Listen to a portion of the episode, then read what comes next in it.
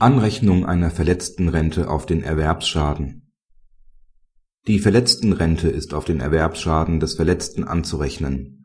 Die Rechtskraft eines Feststellungsurteils dem Grunde nach umfasst nicht die Frage, ob und in welcher Höhe ein Verdienstausfallschaden eingetreten ist R erlitt 1967 durch einen Verkehrsunfall, der vom Versicherten des Rechtsvorgängers des Beklagten verursacht worden ist, erhebliche Verletzungen.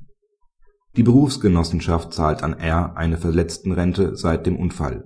Die Einstandspflicht der Beklagten ist durch rechtskräftiges Urteil 1973 festgestellt worden.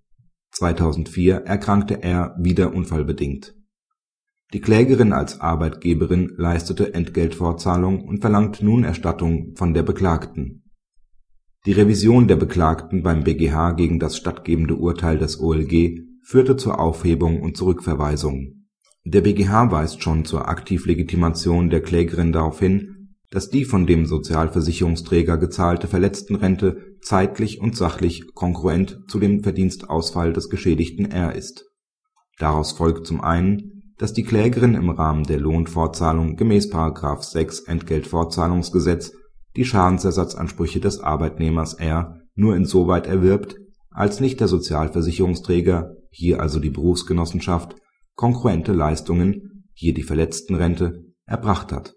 Insoweit sind die Ansprüche gemäß § 116 SGB 10 schon zum Unfallzeitpunkt auf den Sozialversicherungsträger übergegangen das OLG wird daher nach der Zurückverweisung durch den BgH zu prüfen haben, ob und inwieweit durch die Sozialleistung ein Erwerbsschaden abgedeckt ist. Insoweit sind die Ersatzansprüche beim Sozialleistungsträger. Die Klägerin hat durch die Cessio legis des § 6 Entgeltfortzahlungsgesetz nur einen darüber hinausgehenden Ersatzanspruch des verletzten R erworben. Diese Prüfung wird auch nicht dadurch entbehrlich dass ein rechtskräftiges Feststellungsurteil über die Ersatzpflicht materieller Schäden besteht. Die Frage, ob und in welcher Höhe ein Anspruch besteht, betrifft hier nicht den Anspruchsgrund, sondern die Höhe des Anspruchs. Sie wird daher von der Rechtskraft des Feststellungsurteils nicht erfasst. Praxishinweis. Das Urteil ist lesenswert, weil es die Grundsätze des Zusammenspiels beim Schadensersatz wegen eines Erwerbsschadens zwischen Geschädigtem und Sozialversicherungsträger darstellt.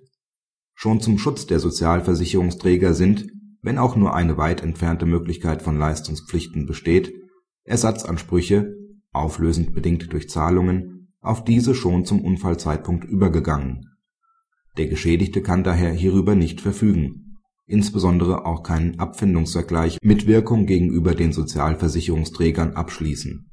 Dieser ist im Umfang der geleisteten Zahlungen aktiv legitimiert ob im Umfang der Zahlungen auch ein Ersatzanspruch besteht, richtet sich dann allerdings ausschließlich nach haftpflichtrechtlichen Grundsätzen. Liegt ein unfallbedingter Verdienstentgang vor.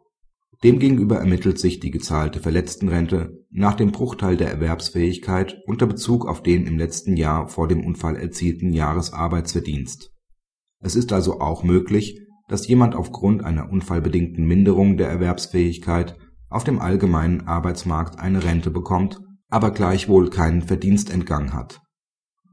Da dann auch kein Schadensersatzanspruch des Geschädigten insoweit besteht, ist auch gemäß § 116 SGB 10 kein Schadensersatzanspruch auf den Sozialversicherungsträger übergegangen